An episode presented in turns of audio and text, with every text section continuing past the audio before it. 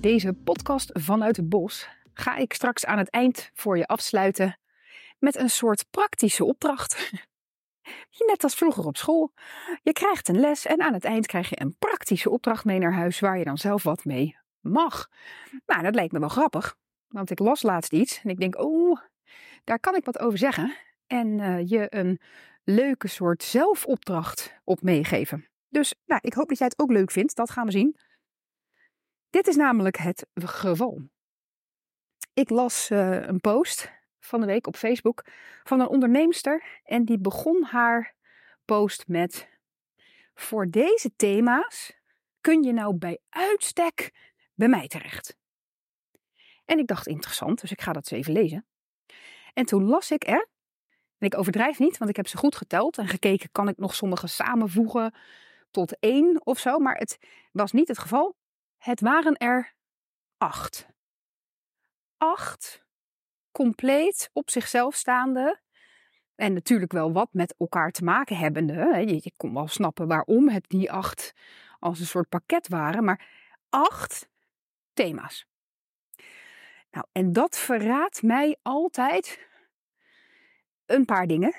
En uh, dat is nooit compleet. En uh, ik heb ook de waarheid niet in pacht. Dus ik kan zeker niet met zekerheid zeggen dat het voor deze onderneemster ook geldt. Maar ik wil je wel even meenemen in een principe rondom hoe je je presenteert op de social media met je bedrijf. En wat er voor je kan werken en wat er gewoon minder goed werkt en waarom. En dat kon ik heel mooi naar aanleiding van deze post doen. Acht verschillende thema's. Verraad voor mij altijd laat ik zeggen in 99,9% van de gevallen, een vleugje onzekerheid. Onzekerheid over ben ik wel duidelijk genoeg in wat ik doe en waarom mensen bij mij zouden moeten komen.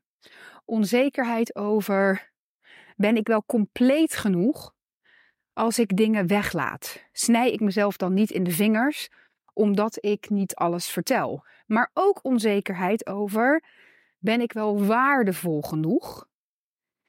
Want op het moment dat je de behoefte voelt om in je marketing zo uitgebreid te vertellen wat er allemaal wel niet bij jou gebeurt als je met jou gaat werken, dan hebben we vaak een, te maken met een koppeling in iemands hoofd die heeft gezegd: hoe meer, hoe beter. Hoe meer ik doe, hoe waardevoller het wordt. Nou, en hier zit dus iets in waar je, in ieder geval naar mijn mening, wat mee kunt om je marketing juist vele malen aantrekkelijker voor mensen te maken. En dat zit hem dus niet in dan maar meer. Concreet, als ik bijvoorbeeld vanuit mijn bedrijf ditzelfde principe zou toepassen, dan zou ik kunnen zeggen op Facebook in één post: je kunt bij mij terecht voor je verhaal weer lekker neerzetten. Dat dat een, een goed, duidelijk verhaal is waarvan jij zegt: ja, dit is mijn verhaal. En waarvan de klant zegt: ja, dat verhaal vind ik tof. Ik eh, kom bij jou eh, inschrijven. Maar je kan ook bij mij terecht voor persoonlijke ontwikkeling. Je kan bij uitstek bij mij terecht voor leiderschap, je kan bij mij terecht voor marketing. Je kan bij mij terecht voor training op hoe kom ik op een podium te staan. Als ik de wens heb om te spreken op een podium. Je kan bij mij terecht als je een boek wilt schrijven. Dan kan ik je daarbij begeleiden. En zo kan ik nog wel even doorgaan. En het is allemaal waar. De dingen die ik nu net opnoem zijn allemaal dingen waar ik daadwerkelijk op dit moment klanten mee help. Dat is waar. Sterker nog, een podcast of wat geleden heb ik je verteld over een training die ik onlangs gaf voor het notariaat. Wat ik ook wel vaker heb gedaan.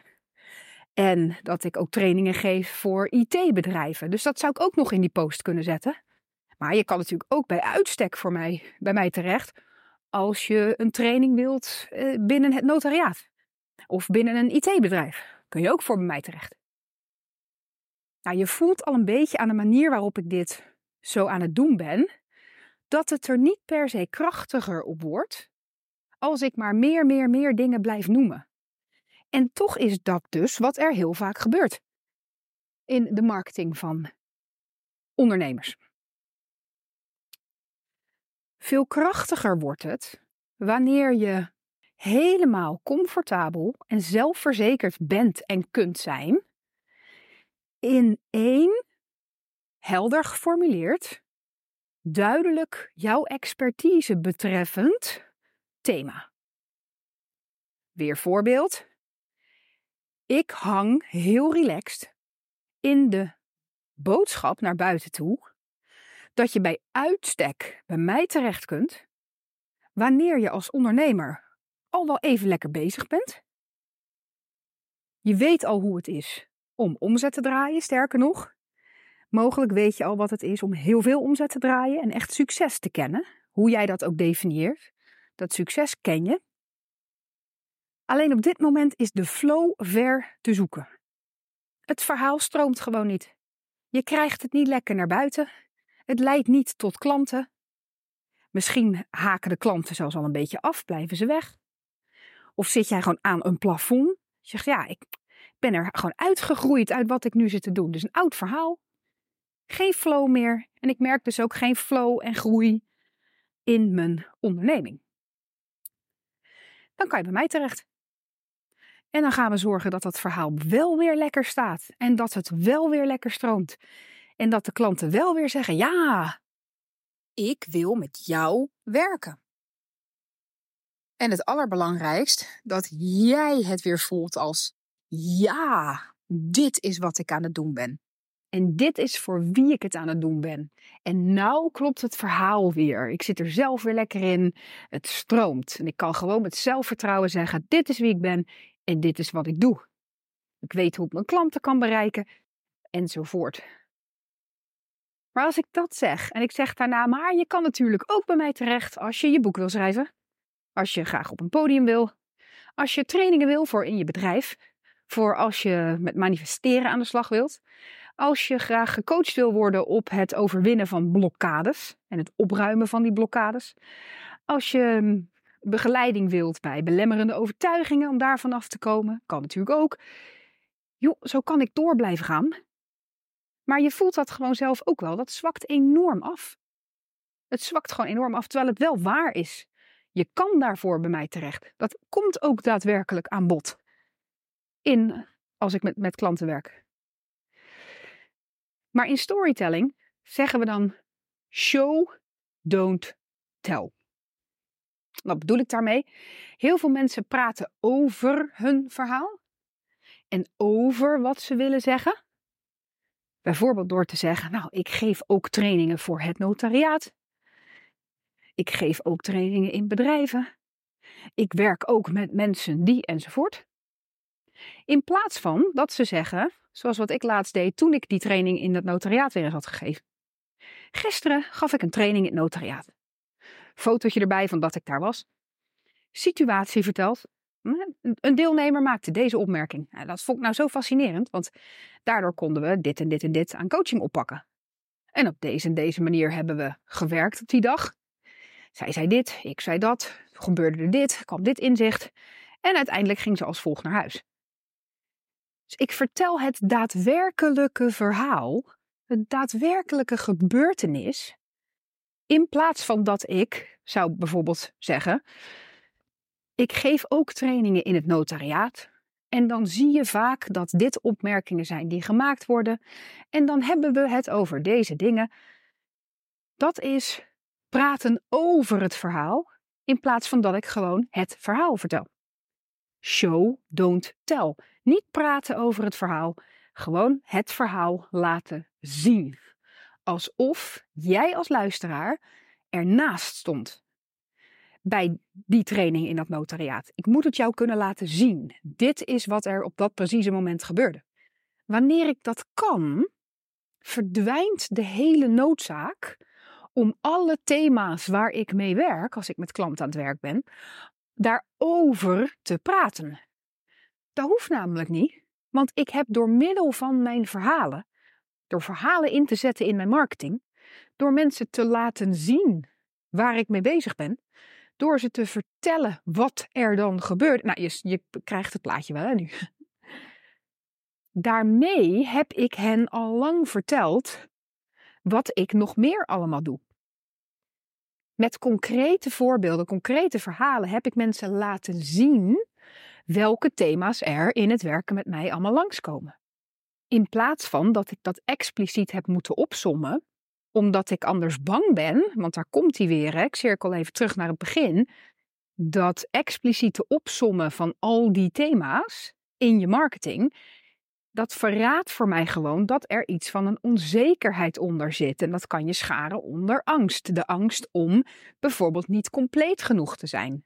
De angst om iets te laten liggen. Van ja, maar misschien vindt juist precies die ene klant, dat thema nummer 7, wel het meest interessante wat erbij zit. En als ik dat dan niet noem, ja, dan mis ik dadelijk die klant.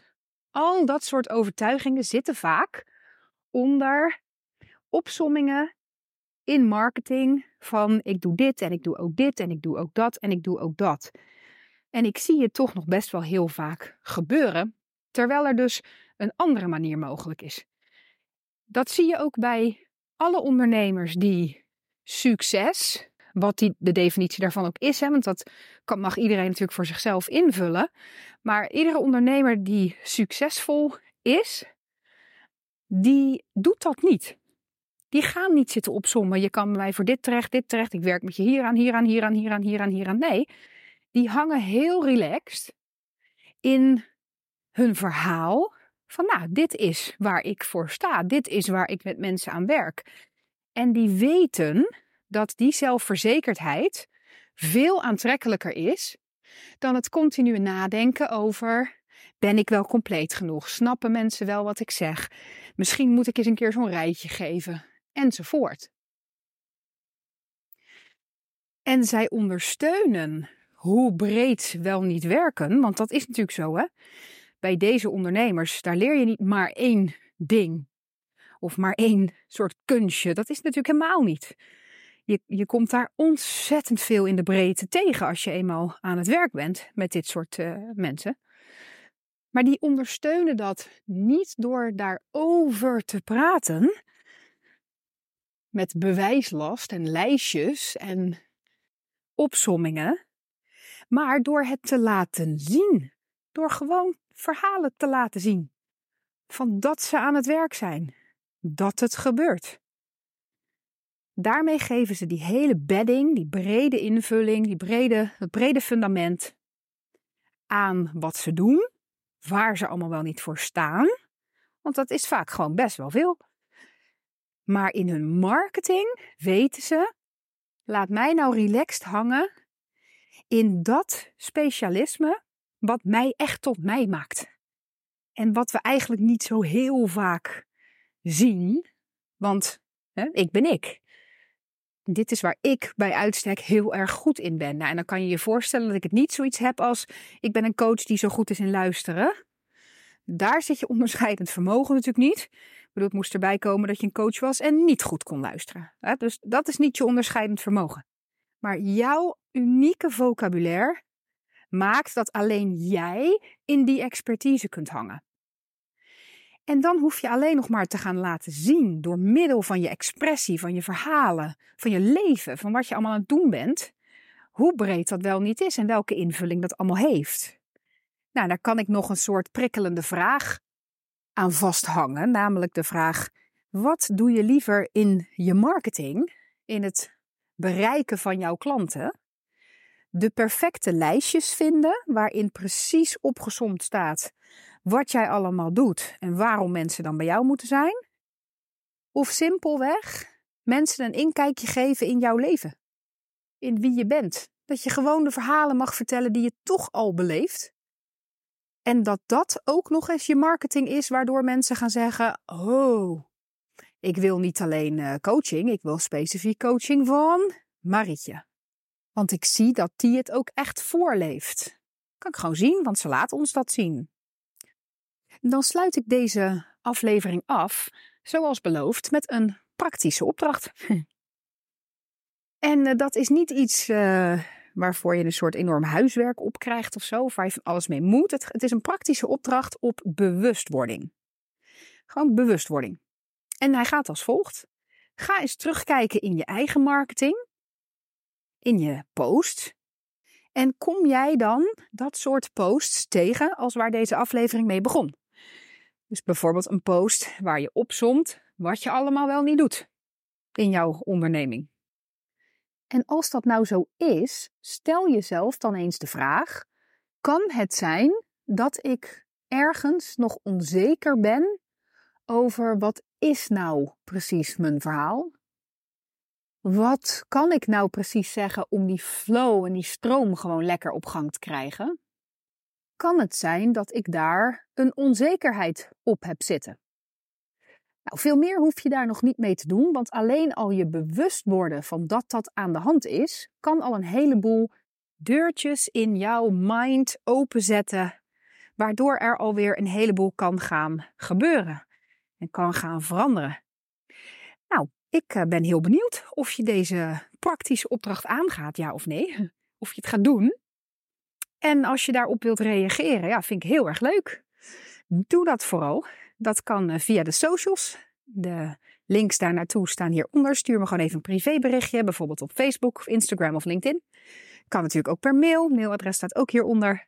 Ik vind het in ieder geval heel tof om van je te horen. En als je nou meteen denkt, nou, guilty as charged. ik, uh, ik weet wel dat ik hier nog iets uh, op heb zitten. En Yvette, ik ben wel heel benieuwd hoe jij mij zou kunnen helpen om die hele stroom wel weer terug te krijgen. En die relaxedheid in wat ik dan communiceer. Zodat ik er weer lekker in zit. En zodat klanten weer ja gaan zeggen. Wat jij daarin voor me zou kunnen betekenen. Neem ook dan vooral even contact met me op. En dan hebben we het daar gewoon eens over. Helemaal vrijblijvend. Dan spreken we elkaar even. En dan uh, kijk ik even met je mee. Voor nu wil ik je heel hartelijk danken weer voor het luisteren naar deze aflevering. Wens ik je een mooie verdere dag, of middag of avond, nacht, waar je ook zit op het moment van de dag als je dit luistert. En ik spreek je heel graag weer in een volgende aflevering. Tot dan, doei doei!